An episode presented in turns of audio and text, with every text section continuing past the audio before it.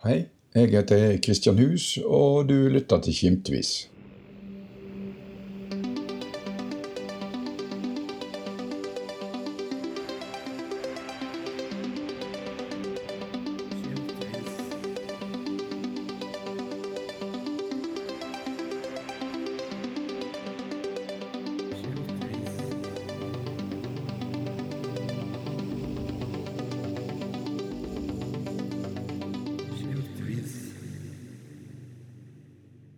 Denne serien handler om godt voksne kvinneringer, som alle har interessante historier å fortelle om sine levde liv. I dag møter vi snart 92 år gamle Aslaug Eik fra Omvikedalen, som i 2002 flytta til en leilighet i Rosendal sammen med mannen sin, heradsagronom Olav Eik.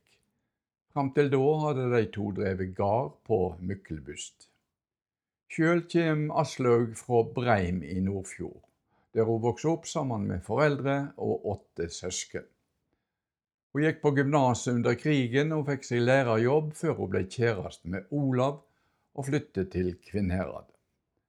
Her har hun levd et aktivt liv, både som bondekone og som lærer ved ulike skoler. Dessuten har hun skrevet mange dikt og prologer opp gjennom åra. Nå er Aslaug enke, men gleder seg over livet likevel, og at hun har det så godt i alderdommen, trass i litt sykdom underveis. Hva som kommer seinere i livet, tenker hun ikke så mye på. Det får komme når det kommer, sier hun. Eldre folk må ha et godt nettverk, og i tillegg prøve å være mest mulig aktiv så langt en kan ut ifra sin egen helsesituasjon, sier Aslaug. Har en ikke det når en blir gammel, er det straks verre. Da kan livet bli stusslig og tungt, sier hun.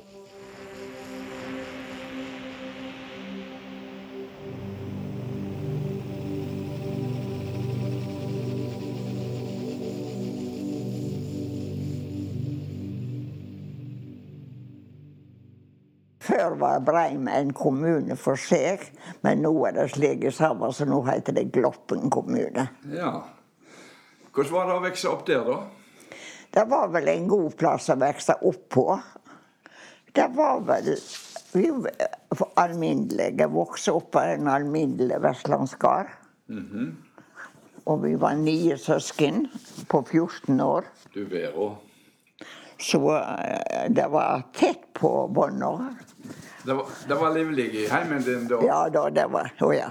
det var livlig i heimen. Det var det så. Men jeg kan ikke huske annet enn vi hadde det godt. Nei, Far din drev da? Eller foreldrene? Eh, ja, da far var Når vi var små, så ah, var far lærer i en uh, mindre skole, så han måtte over vannet og, og, og gå en del, så han var hjemme helt til jeg var ja, ti-elleve år, så var han pendler. Så, så han var hjemme med helgene. Oh, ja. Og så skulte han der inne. Så, var, så det er liksom mor som har vært hjemme. Okay. Og, og, så hadde vi dreng, selvfølgelig, og tjenestejente. Og så hadde vi ei tante på Lemen. Og så hadde vi ei besta i kammerset. Se der, du. God, gammeldags eh, eldrepolitikk. Ja da, så... Og, og, og, disse personene som var rundt oss, de kan ikke jeg huske annet enn godt om. Nei. Hmm. Du har gode barndomsminner? Veldig gode barndomsminner. Og så var det sånn på gården at en tok seg av de eldre? Ja. Besten husker jeg ikke. Han døde da jeg var fem, så han husker jeg ikke. Men bestemor levde til jeg var 14. Hmm. Hmm. Eller besta, som vi sa. Ikke bestemor, men besta. Og mor di, da? Fødte hun alle ungene hjemme? Ja. Alle. Men vi hadde, far hadde yngste søster si buende på Lemen, for hun hadde, hadde gått på vevutdanning bare sikkert bare en vinter, og så hadde hun strikkemaskin. Så når vi var små Seinere giftet hun seg og flyttet derifra. Men hun var en engel. Mm. Så ungene som vokste opp på denne gården, de fikk, eh, de fikk liksom kjensle av Eller følelse med å være altså du, fra fødsel til død ja. i, i, samme huset. Ja. Og ja, jeg husker når hun døde. Mm. Men da var jeg 14. Ja. Så, så de kom tett på både fødsel og, og død? Ja da, det gjorde vi nok. Ja. Disse fødslene de husker ikke jeg. Det var sikkert ikke så lenge det opptok. Var, var du eldst, du? Hva? Var du eldst? Nei, jeg er akkurat på midten. Jaha.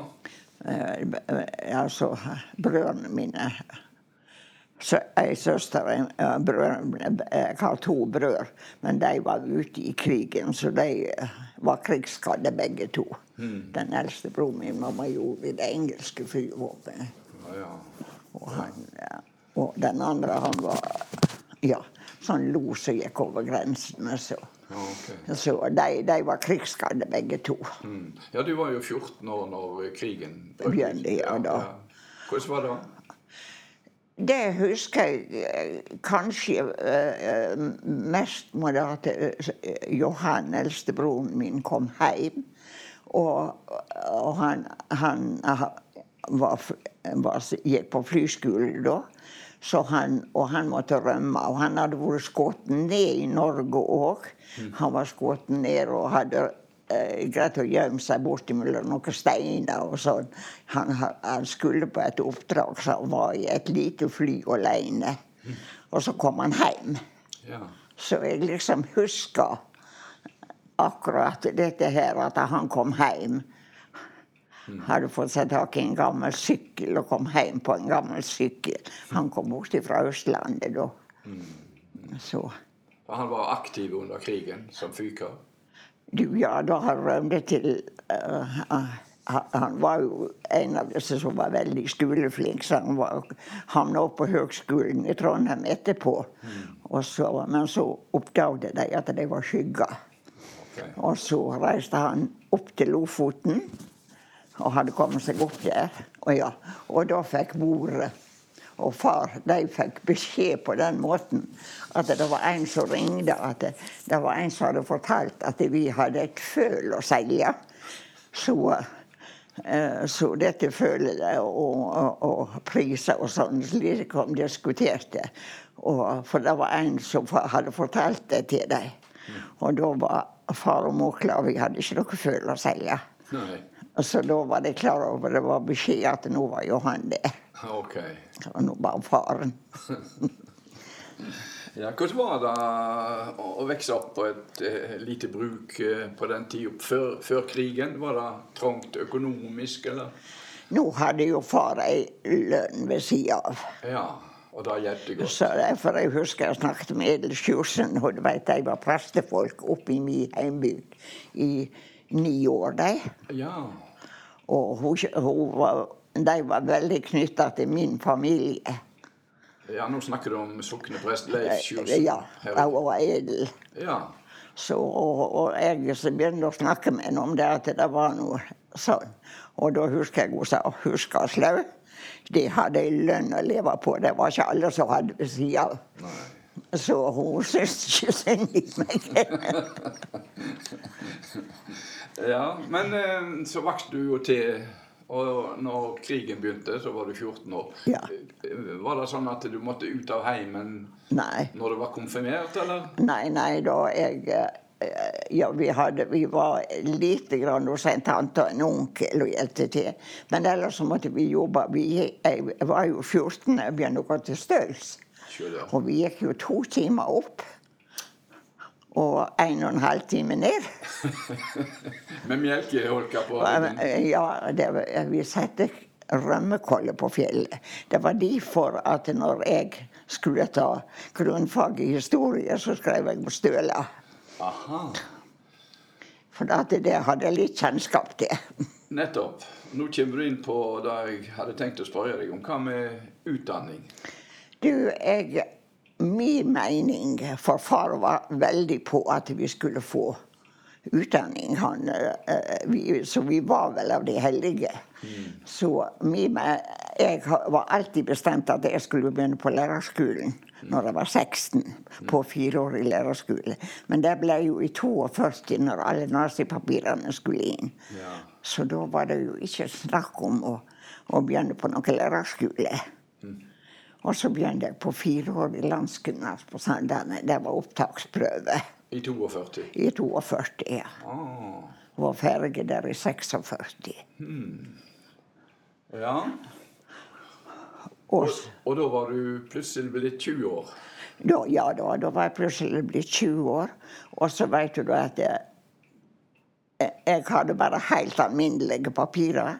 Og da var det jo ikke snakk om å få seg å komme på lærerskolen da, for at alle de som hadde hatt sted og venta under krigen, de hadde førsterett. Ellers så måtte du ha S i hovedkarakter for, å- for å få det. Og så begynte, tok jeg lærerjobb. Og det fikk vi eh, på små skoler. Som ikke vi ville nesten. Jeg tror jeg fikk svar fra åtte stykker. For at de hadde så Det var ikke lærere og små. Og jeg husker at jeg havna ute på i Bremanger, på Smørhavn. Og der var en liten skole, og jeg hadde tolv elever i samla skole. Og av dem kom ti roende. Litt av noen minner du sitter på.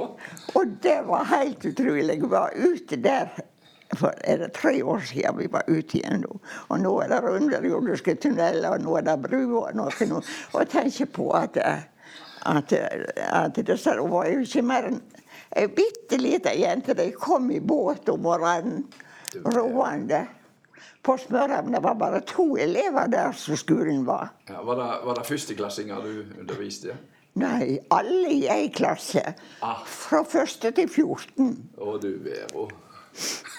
Men du vet at Hvordan hvordan gikk det da? Du hadde jo ikke noe pedagogisk utdanning. Nei, nei.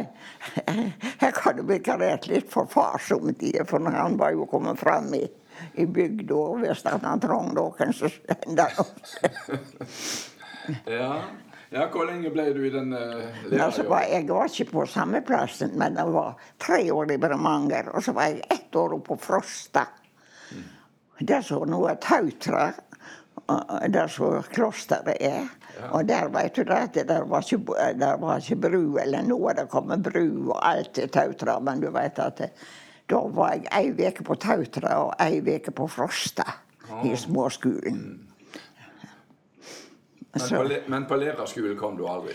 Nei, jeg kom ikke på lærerskolen, for at jeg hadde truffet Olaf. Ja, hvor, tra traff du han, mannen din? Nei, han, Mor ville absolutt at vi skulle lære oss snakke praktisk. Jeg var hjemme en vinter for å gå og lære meg å- gå på veving. Og da kom han opp der som herresagronom. Oh, i Gloppen kommune nå. Ja, ja, i Breim var det da, ja. Og traff deg. Ja da. Og det, det er ganske fort så ble det oss to. Ja, Hvor lenge ble han der, da? Vi var vel var, Han var der oppe i fem år, tenker jeg. Okay. Ja da. Tore var to år når vi flyttet derifra. Å ja. ja. Men han var, var han, eh, var han odelsgutt til Gari og Mikkedal, han, eller? Han var odelsgutt på Myklebust. Ja. For eh, onkel Jens de, han hadde ikke barn. Han, han uh, mistet jo kona si i den der oh, Mm. eller dående, i 18, var det vel. Så etter hvert så lokka Ola deg med til, det? Ja, ja da, så vi var kommet til Demensvik. For da fikk han herresagronomjobben her. Ah, Og så kom vi her til Ja, jeg er så snar med det. Og så kom vi her til. Og da Og da og, og, Ja, vi kom her til om høsten. Og da fikk jeg beskjed med en eneste gang at jeg det skulle ha vikar i Huskedalen. Så da, så da reiste jeg til Huskedalen og var vikar der første halvåret. Men da gikk jeg gravid med Lars Olaf. ja. Så, og så den 1. mars, da kom onkel Jens og sa at hvis vi ville ha gården, så måtte vi ta den nå. Og da var du lærer, og, og Olav var høyresagronom? Ja. Så Nei, ja da. Nei, jeg var ikke lærer på ett jul, for da var jeg gravid. Jeg var bare vikar for hun Omvik. Ja. Hun skulle ha et, et eller annet kurs. Så Men hvem som drev gården da, egentlig? var det? Det var onkel Jens drev det med. Det var paktere på gården. Oh, ja. Og det var paktere noe nede på Jæren. Men det var en tung plass å komme. For det var, var nokså til nedfalls. Og eldgammel løve og Ja, der, der, der var Og det var et slit? Det var et blodslit, jeg vil påstå det. Og du vet, pakterne reiste, det fantes ikke vedflis, det fantes ikke høy. Vi kom der 1. mars, og det var tungt for alt. Og, og så hadde ikke vi, men så var det far, han hadde en veldig flink dreng. Og så sier han jeg skal få han til å reise til dere, så jeg skal greie å få meg tak i en ny. Så fikk vi en flink dreng hjemmefra. Og han kom og for Olav kunne jo ikke slutte i jobben sin. Nei, selvfølgelig. Så, Mm. Så det hadde dreng hele tida? Ja da, det hadde vi. Og så begynte eh, småungene å komme etter hvert? Ja, da eh, Lars Olav var født 14 dager etter, eller samme måned som vi kom til Myklebust. Ok. Så det, det var litt tøft. Han var født hjemme. Ja, så Jostein kom etterpå. Ja. Og så kom Kjetil til slutt. ja. Så vi er fire gutter. Det har vært livlig i deres hjemme òg, da? Ja da. Og så vet du det at eh, så var det Det var, der var en veldig tung plass, for det var mye eldre folk. Onkel Jens han han var et godmenne. Jeg tenker alltid på godmenn og Jens Tvedt når jeg tenker på onkel Jens. Han, var, han var så ungene, de var så De ynda Han, han bodde ved sida av dere? ja, han bodde på gården. Han hadde åt med oss og var hos oss og absolutt alt. Så bra. Og vaske klær og gjøre det han gjorde vi. Og han, var, han var besten i huset. Men så le- bodde besten og bestor, de bodde på Sponhaug. Og så ja, og så kom ei gammel tante hjem fra Amerika. Og hun spurte om hun kunne få være i tre uker. Hun ble i ti år. hun likte så godt. Ja, jeg veit ikke. Og- og- og- Hun, hun hadde jo ingen rett til å være der, men hun ble der bare. Var det tante, altså tante til Olav, dette? Ja, Søster til gamle onkel Jens. Oh, ja. Hun kom fra Amerika og var enslig. Og så døde besten, og så flyttet besten ned. Hun ville ikke være alene på Sponhaug. Så de tre gamle de bodde hos oss i omtrent hele tida. Men du, da kom du deg ut igjen i skolearbeid? Ikke før at Tore kom hjem. Jeg var litt vikar. Men ikke før at For jeg tok grunnfag i historie og grunnfag i norsk. Og så tok jeg en del småpedagogiske kurs. Mens du var hjemme? Ja. Og så Men så, når Tore kom hjem, så begynte jeg i skolen. Så jeg har faktisk vært ti år på Løfallstrand. Mm. Ikke helt full jobb, men jeg har vært ti år ute og inn på Løfallstrand. Når slutta du av utdanninga di? Hvor gammel var du blitt da? Nei, jeg, hva det? siste kurset da var jeg Det var i den der friundervisninga oh, ja. hos Helga Mehl. hadde jeg nær Ja, sagt. ja. Så vi tok Er det sånn at du eh, ser på deg sjøl mer som et skolemenneske enn ei bondekone? Nei, jeg har vel vært bondekone veldig mye. Så. Jeg er vel sånn midt i meg, men jeg har alltid likt meg i skolen. Og det var liksom alltid tanken at jeg skulle i skolen. Men uh, Men du var der til du nesten ble pensjonist? ja, ja da. Ja da, det var jeg. I, og på Løffersand var en storarta plass å være. Det var det, ja. Ja, liten skole, så det var ikke Men i Amykedal, da, Aslaug? Ei fredelig og trygg bygd. Ja, ei god bygd å være i. Hvordan var det å komme fra Nordfjord og, og til Kvinnherad? Breimsbygda er vel i grunnen veldig lik Omvikedalsbygda. Det er ei typisk jordbruksbygd. Veldig typisk jordbruksbygd. Så det. Men eh, at de åra på Myklebust var veldig tøffe, det var de. For det var, det var litt for Vi skulle bygge løa. Og, eh, og alle de gamle. Og det var, vi var sjelden under ti mennesker til bords. Og jeg hadde jo ansvaret så at det var mye å gjøre. Det var arbeidsår. Absolutt arbeidsår. Tidlig oppe og sent i Ja da. Og var vet, Olaf han var oppe og gikk i fjøset og melka og kom inn i full fart og fikk seg frokost. Og så på arbeid, og så heim igjen. Og så melka han om kveldene i lag med han melka og drengen hadde Stie. Hvor mange, hvor mange kyr hadde det da? Vi hadde ja, 12-13 melkekyr, og så da en hel del sau. Og så hest og, og gris og høns, og vi hadde absolutt alt. Ja, Fantes det ikke melkemaskin da? Jau, Oh, ja, det var melkemaskin på gården når vi kom. Oh, ja. Så det var vel en av de første tingene. Ja, men hva gjorde du på fritida hvis du hadde noe sånt i Ammikedal? da? Var du med i Bondekvinnelaget f.eks.? Jeg, først var jeg med i husmorlaget, og det var vel ikke rett, men Besto og uh, Johanna Fet de var i husmorlaget, og det var Johanna Fet og Olaf var jo søskenbarn, og de okkuperte meg med samme. Seinere kom jeg inn i Bondekvinnelaget, og det var vel der jeg hørte hjemme. Men uh, de første tida, da var jeg i husmorlag. Og, og med i helselaget. Tre lag i ei så lita bygd. Det, det, det var veldig dumt. Var det dumt?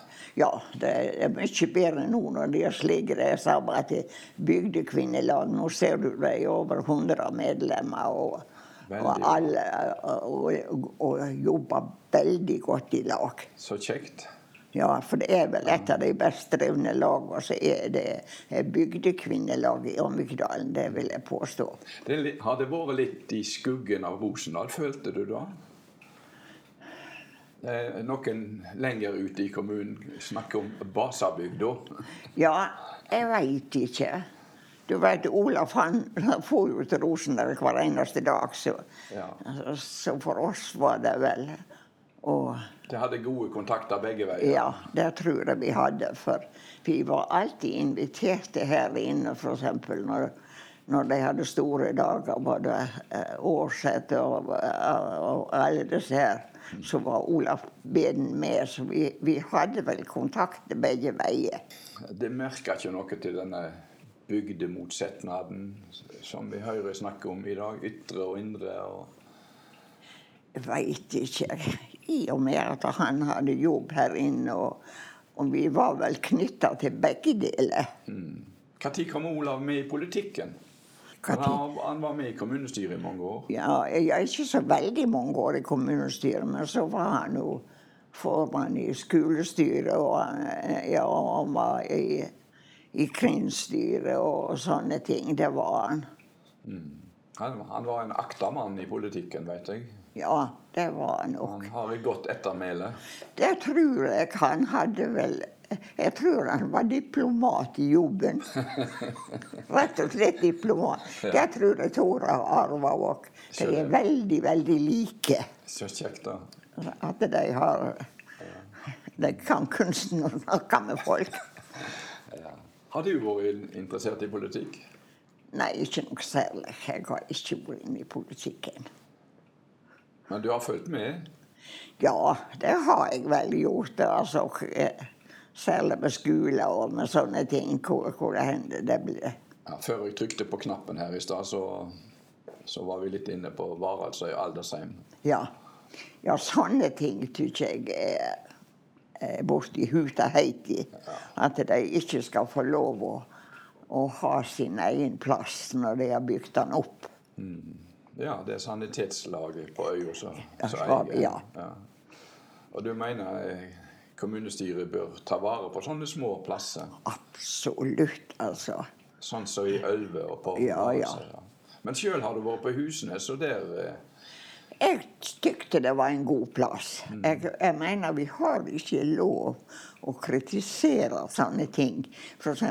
med middag og sånt. Jeg sier det at av og til så tenkte jeg hvordan lever de hjemme når de kan gå ut og si har vi, har vi festmiddag hver dag hjemme? Det har vi ikke. Nei. Har du fått kommunal middag? Ikke fra nå, altså, men jeg fikk jo kommunal middag når jeg var på Husmannsstunet. Ja, og da var alt bra? Ja da, selvfølgelig. eh, Smakene kanskje. Vi tenker at hadde vi fått lov å lage det sjøl, så hadde vi gjort det. Men du vet, husk på det skal lage noe veldige gryter. En skal ikke forlange alt.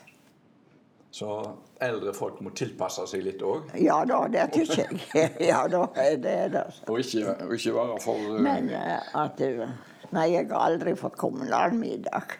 Nei. Men du kvier deg ikke til den dagen du skal få? Jeg håper jeg greier å lage det sjøl. Gjør du det i dag? Og ja, da jeg lager middag sjøl nå. Jeg, jeg kan jo eh, bruke stormen der nede og låse den, og da kan jeg jobbe. Og så er det da når jeg var sjuk, da veit du det, både kom Tore og kona en gang, og så kom Kristine og Jostein en gang med middag, så jeg har veldig god familie. Hva er, du snakker om du var sjuk. Hva var det som skjedde? Du, eh, nå Jeg var veldig sjuk med jul. For da jeg fikk rett og slett en akutt blærebetennelse som var veldig stygg, sa de. Og så tålte jeg ikke medisinene. Så jeg kom hjem så, så hele juleheia. Men heldigvis en dag før vi skulle reise østover, så, så følte jeg meg frisk igjen.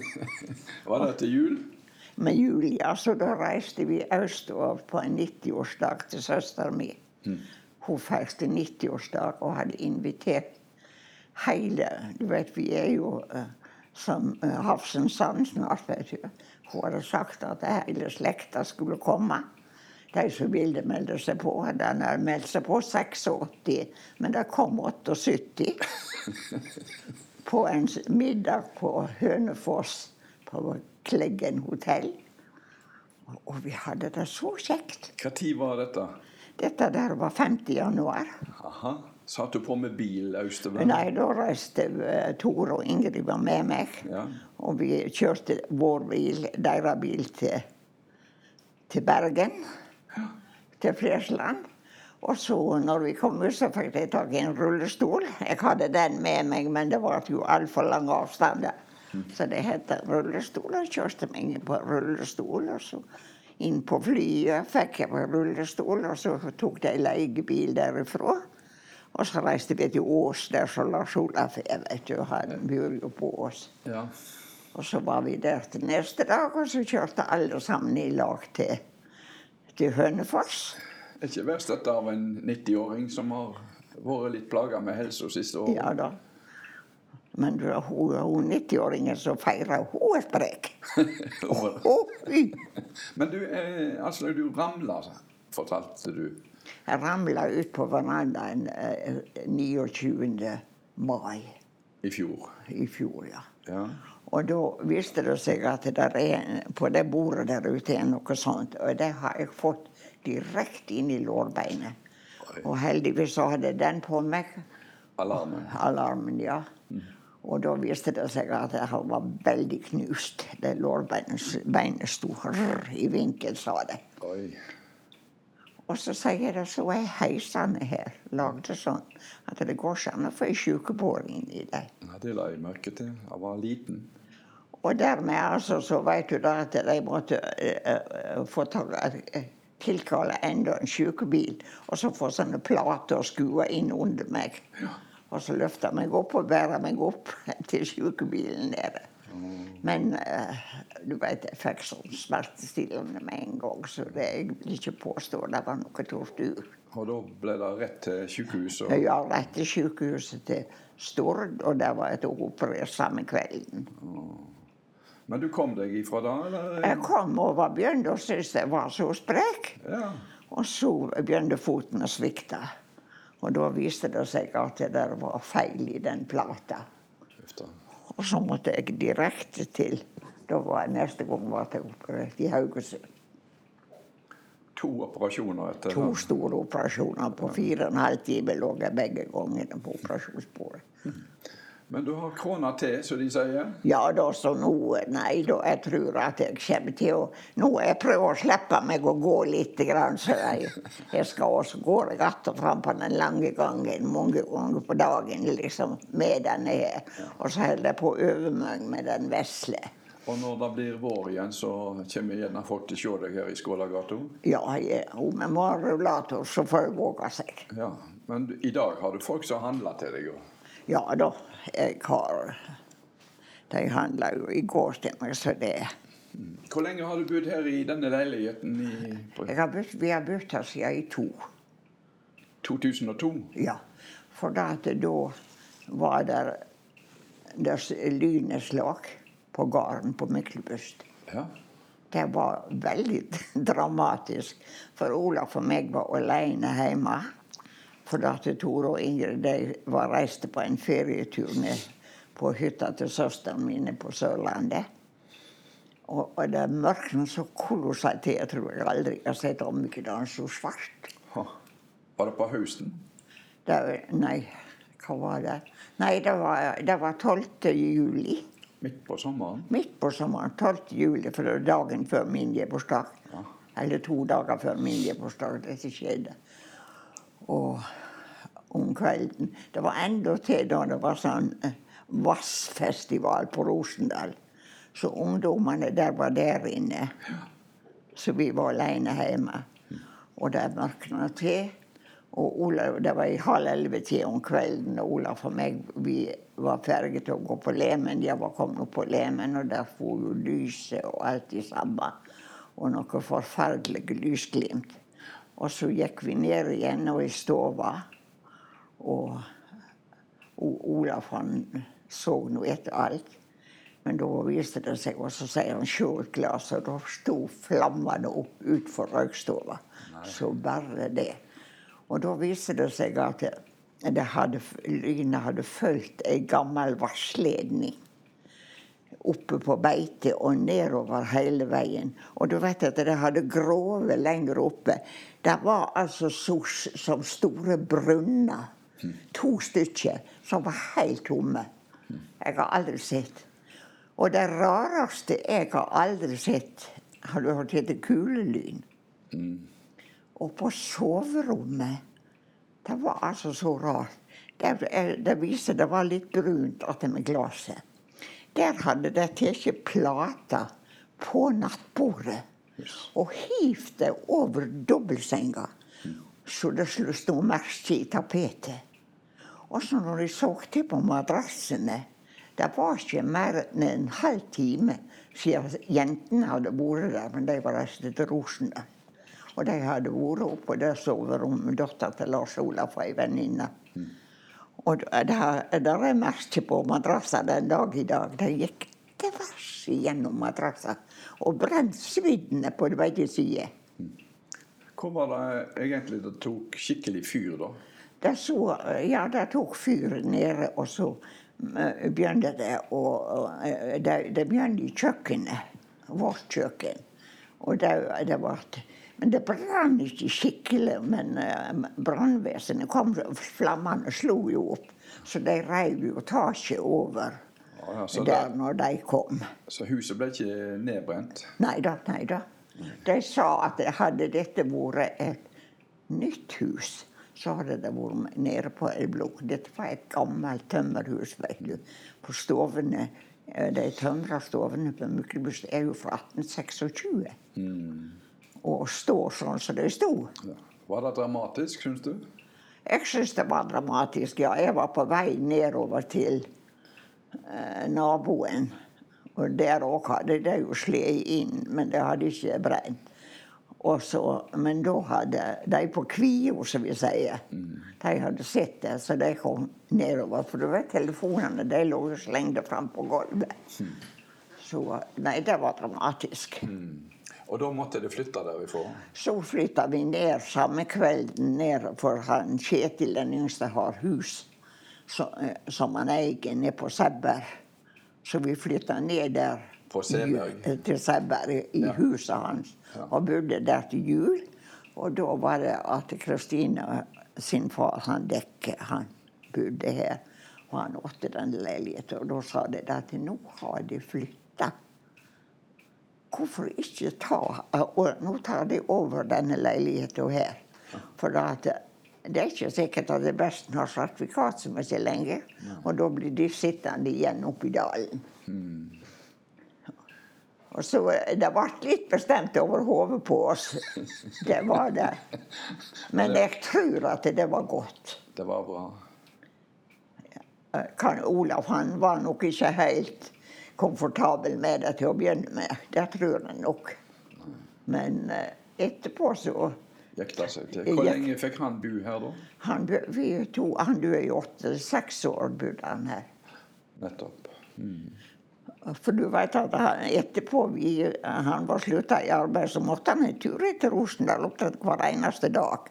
For han var veldig knytt opp på landbrukskontoret og opp og se hvor det gikk. Så da kom han enda nærmere rådhuset? og- ja, så, men, eh, men at han eh, Men da var han slutta å melke, for alle de åra etter så var det han som melka. Merker du at han lengta hjem til Myklebust igjen? Ja, han gjorde nok det en del.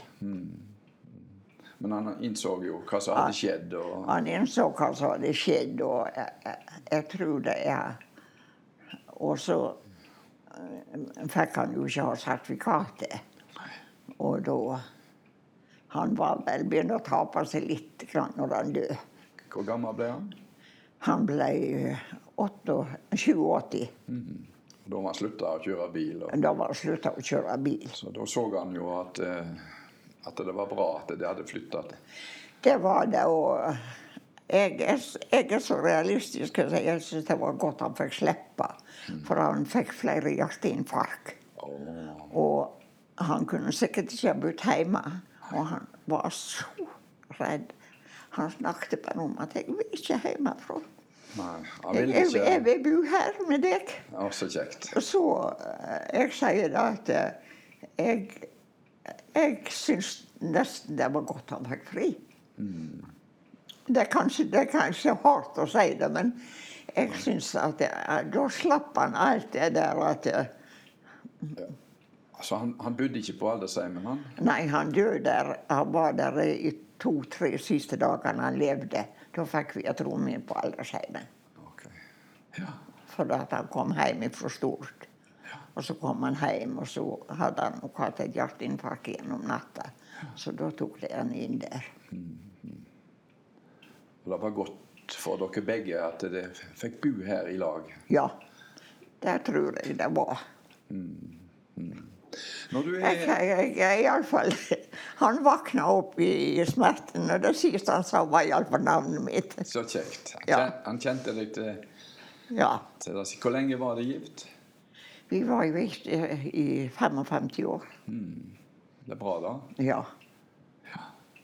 Så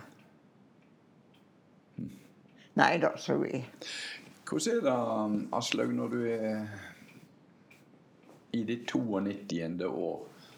Ser du helst bakover nå?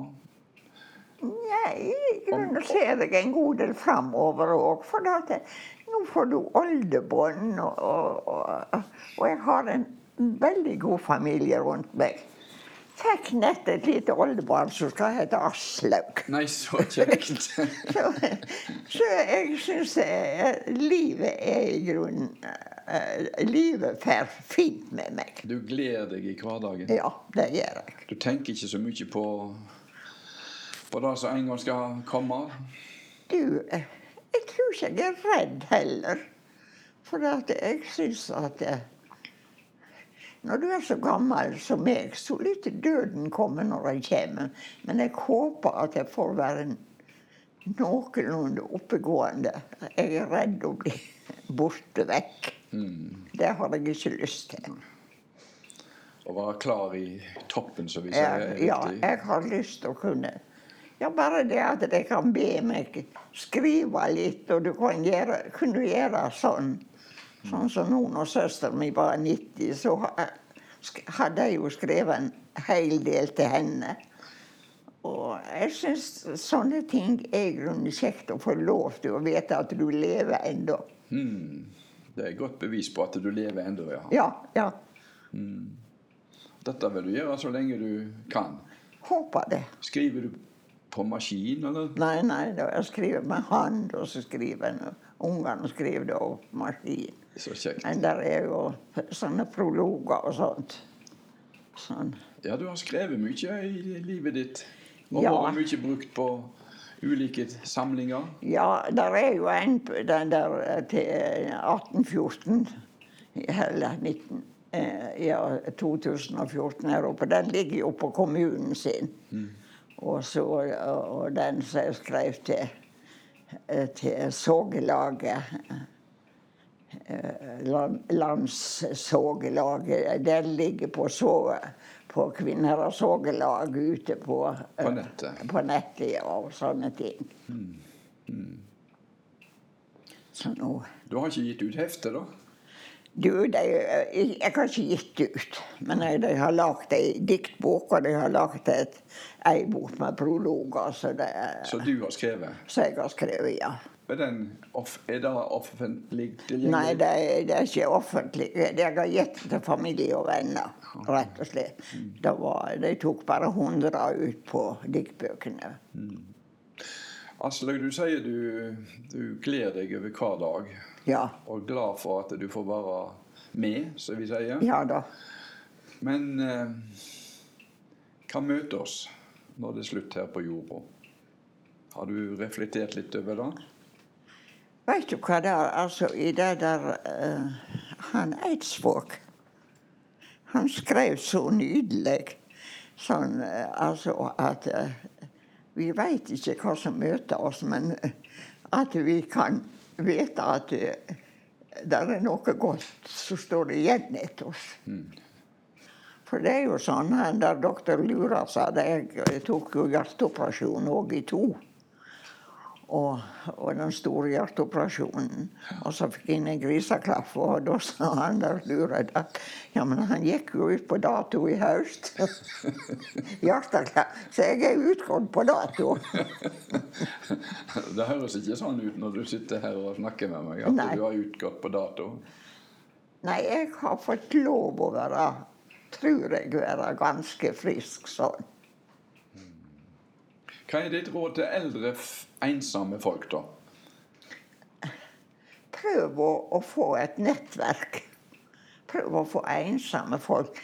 Jeg sier at vi veit ikke hvor godt vi har det, vi som har familie. For jeg syns det er jeg, jeg har vondt av de som ikke har familie rundt seg. Jeg har jo en enestående familie rundt meg. Det er alfa og omega. Ja, jeg tykker det. Å være aktiv. Ja, også være aktiv så lenge en kan. Ja. For jeg var jo på aldersheimen og var med den der underholdningsgruppa. Jeg sa det at jeg var pausefyll, for de sang og jeg leste. Så jeg kalte meg sjøl for pausefyll, og da skulle jeg lese. Ja. Nok, kanskje noe jeg hadde skrevet sjøl, eller noe annet dikt jeg fant. Altså på Rosendalstunet var vi annenhver uke veldig lenge, i, i mange år. Så jeg hører til de frivillige. Ser du for deg et liv på Rosendalstunet, som du nevner? Ja, hvis en må. Hvis en må, så er det veldig godt at det er en plass. Så, sånn som nå når jeg brøt foten. Jeg kunne jo ikke vært noen annen plass. Jeg var jo helt avhengig av hjelp. Hvis du veldig kort skal oppsummere livet ditt, vil du, hva vil du si da? Jeg vil vel si at jeg har vært av de heldige. Det var som søsteren min sa når hun helt liksom summerte opp, og så sa hun at vi lærte oss å arbeide fra vi var bitte små, sa hun.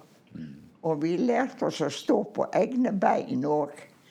Men vi hadde trygge personer rundt oss. Og, og vi hadde foreldre som stilte opp. Far var nok en veldig streng far. Det var han nok. Men husk på hva han gjorde. For ni unger skulle få uh, utdanning. De skulle få noe, alle sammen. Og da fikk de? Og det fikk de. For eh, det må jeg fortelle at på, når vi gikk på gymnaset, så var det midt under krigen, og så hadde vi middag på gymnaset. Og da hadde far en stut som uh, han satte på om høsten, så han kalte på gymnasstuten. Og, så var det, når den Den var lurt unna, selvfølgelig. Så var den lurt helt unna når det var kontroller.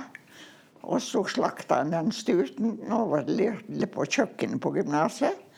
Og så var han nede med et lass med poteter og kålrabi. Og så betalte han iallfall for to stykker som gikk på gymnaset, med mat der. Så vi hadde gjerne penger igjen når vi kom. Så hadde han gjort opp for middagen gjennom et helt hel vinter. Fantastisk. Så, så det var jo Det var jo utrolig å få så mye med så mange som vi har. Mm. Guttene de gikk jo på toårig gymnas på Nordfjordeid, for det, det kalte de jo for studentfabrikker i de dager. Var det noen som overtok barndomsheimen? barndomshjemmet? Ja. Yngstebroren min overtok barndomshjemmet. Mm. Og sønnen hans er der nå. Men han er dessverre ikke gift, så jeg håper Jeg veit ikke hvordan det blir seinere. Nei. Nei. Vi vet ikke hva som skjer, Aslaug. Og Nei. som du sier, vi får ta en dag om gangen og, ja. og glede oss over at vi får være friske og klare i toppen. Og... Ja. Jeg sier om jeg går sånn noe nå når jeg, jeg, selvfølgelig Nå hadde jeg noe tilbakefall altså, med sykdom nå, altså, for det bruker jeg aldri å ha. Men ellers så må en jo si at jeg, jeg er frisk. Mm. Fantastisk. Sier doktoren din òg, da? Ja da, jeg har har ikke det. sier det at de syns at det går veldig fort på fram. Det sier jo fysioterapeuten òg.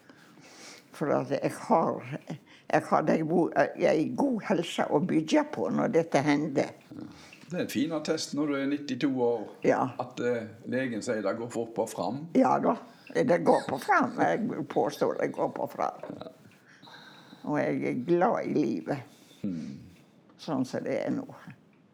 Så det er bare det der å få reise østpå nå og treffe 78 slektninger. Det må ha vært fantastisk. Det kom tre fra Amerika. Og sånn som jeg ikke hadde altså, ungene til broren min. Altså, og det, jeg syns det var veldig Har du reist mye ellers i livet deres, da? Olaf han var ikke noe på reise. Jeg har vært til Amerika i en tur, og jeg har reist en del med Ragnfrid Buksnes. Vi var i den der innervillforeninga, og vi har vært i lag i i Roma og Firenze, og vi har vært i lag i Paris, og vi har vært i lag i Berlin, og vi har vært i lag i Stockholm. Og hun var bare helt herlig å reise med. Jeg hadde ikke reist noe fra før, men hun ordna alt, så jeg bare dilta bak. ja, hvordan var det med språk og sånt? I Italia, f.eks.? Ja, da, men det, du greier det med engelsk. Ja. Jeg kan så mye engelsk. Jeg har vært jeg har vært seks ganger som familie i England, så vi har vært veldig mye i lag med dem. Så engelsk behersker jeg. Jeg snakker ikke flytende. Men du klarer det godt? Men jeg klarer meg godt med engelsk. Mm. Så bra. Nei, Kjekt å høre, Aslaug, at du er fornøyd med livet. og at du kan sende det budskapet ut at du har det godt? Ja da, det har jeg. Og når du summerer opp, altså om det var harde år på Myklebust, så har jeg hatt et godt liv. Og jeg har hatt og det har gått godt med ungene. Det betyr nesten alt for oss. Det er klart. Og barnebarna òg. De er jo helt innestående snille med meg. Ja. Og nå har du oldebarn? Nå har jeg oldebarn.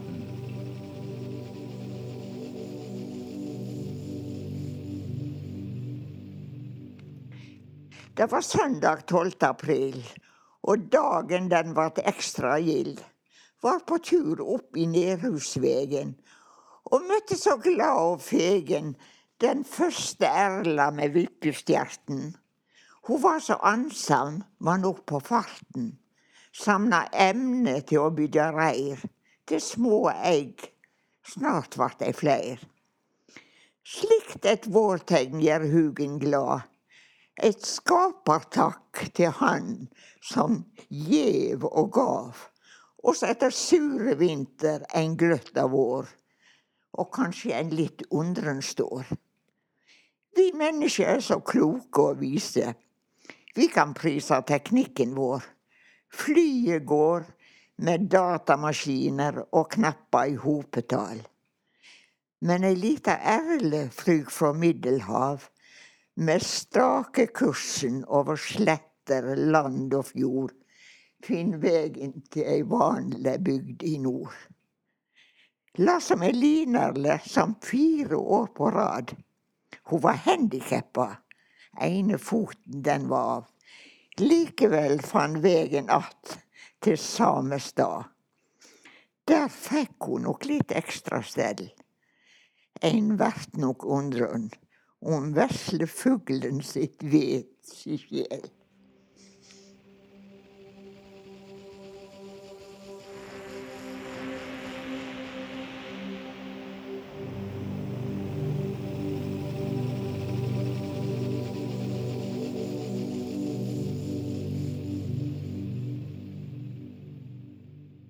Takk for at du lytter til Kimtvis. Abonner gjerne på podkasten i podkastappen din, og finn flere intervju og andre saker på nettstaden kimtvis.no. Der kan du òg melde deg på Nyhendebrevet, så får du melding om nye saker på e-post.